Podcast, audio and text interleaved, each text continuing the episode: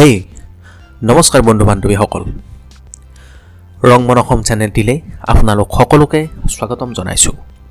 আপোনালোকৰ মৰম আৰু আশীৰ্বাদ লৈ আমি ৰং মন অসম টীমেই এই পডকাষ্ট চেনেলটি আৰম্ভ কৰিব ওলাইছোঁ।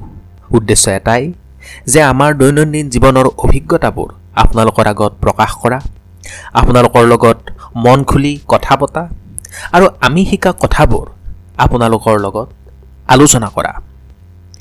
আমি সকলোৱে জানো যে জ্ঞানেই হ'ল সম্পদ।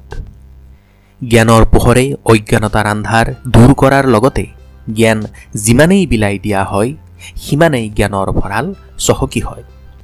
গতিকে মৰমৰ বন্ধু বান্ধৱীসকল আহক আমি সকলোৱে নিজৰ জীৱনৰ পৰা লাভ কৰা জ্ঞানসমূহ আনকো বিলাই দি অজ্ঞানতাৰ আন্ধাৰ দূৰ কৰোঁ।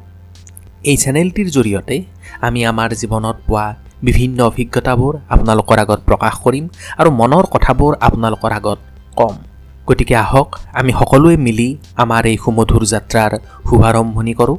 আপোনালোকৰ মৰম আৰু আশীৰ্বাদ পাম বুলি আজিলৈ বিদায় লৈছোঁ। আপোনালোকক বহুত বহুত ধন্যবাদ।